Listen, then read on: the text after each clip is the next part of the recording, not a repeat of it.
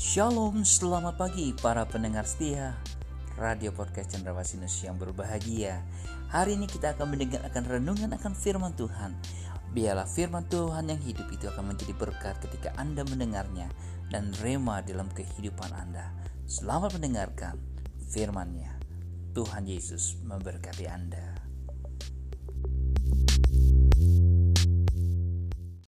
Hai semuanya, para pendengar radio yang setia, yang Tuhan berkati. Saat ini saya benar-benar mau mengacu pada judul yang menarik dari sebuah uh, bab dalam buku Max Lucado dengan judul Allah masih melakukan mujizat. Max Lucado mengajukan satu pertanyaan Siapakah misionaris pertama yang pernah diutus Yesus? Jawabannya tidak seperti yang Anda harapkan. Jika saya bertanya kepada saudara, mungkin Anda akan berkata, seseorang yang dilatih dengan baik, seseorang yang mempunyai hubungan erat dengan Kristus, seorang pengikut yang benar-benar mengabdi pada Tuhan seseorang yang dekat dengan Tuhan, atau seseorang yang mempunyai pengetahuan yang hebat tentang Alkitab. Mungkin saudara akan berpikir begitu, tetapi jawabannya bukan. Lalu, di mana Yesus menemukan orang tersebut? Jawabannya di kuburan, saudaraku. Terus, siapa dia yang menjadi uh, wakil Tuhan yang diutus uh, ke sebuah tempat, dia adalah orang gila, saudaraku. Orang ini yang diutus adalah orang gila yang berubah menjadi misioneri. Dan cerita tentang kehidupannya kita bisa temukan di dalam kitab Markus pasal 5 ayat 1 sampai dengan 20. Dan saat ini saya akan membacakan khusus di dalam ayat yang kedua dan kelima. Di situ dikatakan, baru saja Yesus turun dari perahu, datang seorang yang kerasukan roh jahat dari pekuburan menemui dia. Orang itu diam di sana dan tidak seorang pun lagi yang sanggup mengikatnya, sekalipun dengan rantai karena sudah sering dia dibelenggu dan dirantai. Tetapi rantai diputuskannya dan belenggunya dimusnahkannya. Sehingga tidak ada seorang pun yang cukup kuat untuk menjinakannya. Siang malam ia berkeliaran di pekuburan dan di bukit-bukit sambil berteriak-teriak dan memukuli dirinya dengan batu. Dialah orang yang oleh ibu saudara harus dihindari Dialah orang yang menjadi langganan tahanan polisi. Dialah orang yang tidak waras, yang mengejar-ngejar tetangga, bahkan mungkin telah membunuh keluarganya. Inilah wajah yang memenuhi layar di warta berita petang, dan inilah misionaris gereja yang pertama. Bangsa Palestina tidak tahu apa yang harus diperbuat dengan orang semacam ini. Mereka membelenggunya, tetapi rantai itu dipatahkannya, dirobek-robeknya pakaiannya. Dia tinggal di gua-gua, dia menyiksa dirinya dengan batu. Keluarganya tidak tahu apa yang harus diperbuat dengan orang ini, tetapi tidak dengan Yesus. Ketika Yesus melihatnya, Yesus keluar dari perahu. Lalu Yesus berkata kepada orang ini, dan apa yang Anda ketahui, orang ini disembuhkan. Orang gila ini disembuhkan. Dan ketika orang gila ini telah sembuh, dia ingin mengikut Yesus. Tetapi Yesus katakan, jangan. Pergilah ke tempat tinggalmu. Dan itulah misionaris pertama yang Jesus pernah kirim.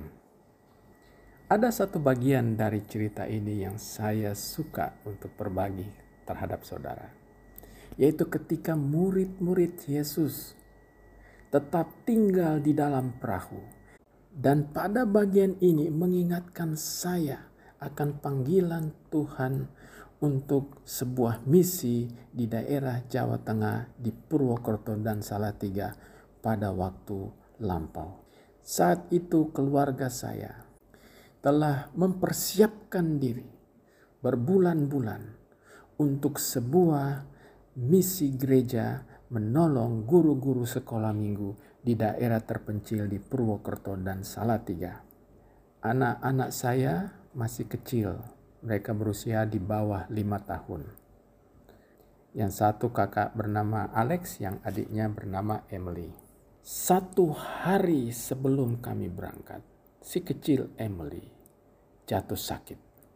Ketika kami bawa ke dokter, dokter berkata dia terkena tifus. Anda tahu sendiri, kalau terkena tifus, lama sembuhnya, badan hangat, tidak panas sekali tapi tidak turun-turun panasnya. Bisa mungkin lebih dari seminggu. Saat itu saya berpikir mungkin saya akan batalkan misi ini. Tetapi saudaraku, ketika istri saya dan saya berdoa, kami lakukan apa yang telah dilakukan murid-murid Yesus yaitu tetap tinggal di dalam perahu dan membiarkan Yesus menghadapi tantangan itu. Kami berdoa dan akhirnya kami memutuskan akan pergi. Jadi keesokan harinya pagi-pagi benar kami akhirnya berangkat menuju Jawa Tengah dan saat itu belum ada jalan tol ya. Jadi masih jalan-jalan kecil lewat jalur selatan Aduh, kasihan sekali. Beberapa kali saya harus berhenti di pinggir jalan. Berhentikan mobil hanya untuk memberikan obat ke anak kecil saya, putri saya yang kecil. Sedih kayaknya. Dia sangat kecil dan juga tubuhnya hangat dan mukanya merah karena sakit ya. Sangat sedih. Kemudian saya bawa mobil lagi, stop beberapa saat di tengah hutan yang saya tidak tahu di mana itu, kasih obat lagi. Tapi apa yang saudara ketahui? Keesokan harinya, dia sembuh. Anak putri saya Emily sembuh. Dan saya merasakan mujizat terjadi. Hanya karena Tuhan, bukan perbuatan manusia. Kalau saya lihat saat itu, dia seperti tidak terkena sakit sedikit pun. Seakan tidak pernah terjadi. Dia lompat-lompat di atas tempat tidur, bermain di sekitar tempat yang kecil itu. Jadi saudara saya ingin berbagi di sini.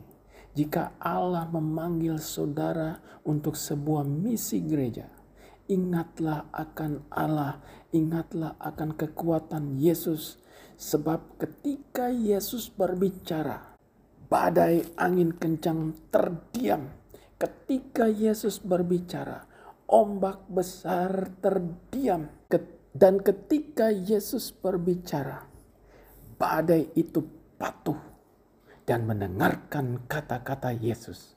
Dan juga ketika Yesus berbicara kepada orang gila itu, setan yang hidup di dalam orang gila itu terdiam, tunduk lesu, patuh dan bahkan memohon kepada Yesus.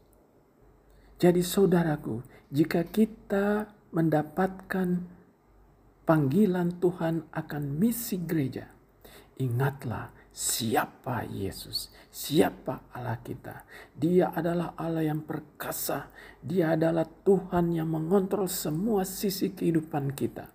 Dan saya tahu itu. Untuk itu saudaraku, sekali lagi, jika Allah memanggil engkau untuk sebuah misi gereja.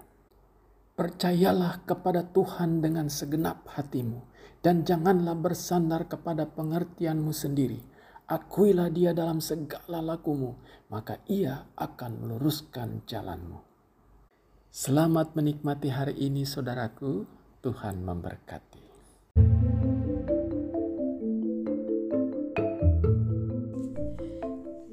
Sampai jumpa esok hari. Kiranya damai sejahtera dari Allah Bapa, kecintaan kasih daripada Tuhan Yesus Kristus, dan persekutuan Roh Kudus menyertai kita mulai hari ini, esok, sampai Maranatha. Tuhan Yesus datang kedua kalinya. Sampai jumpa. thank you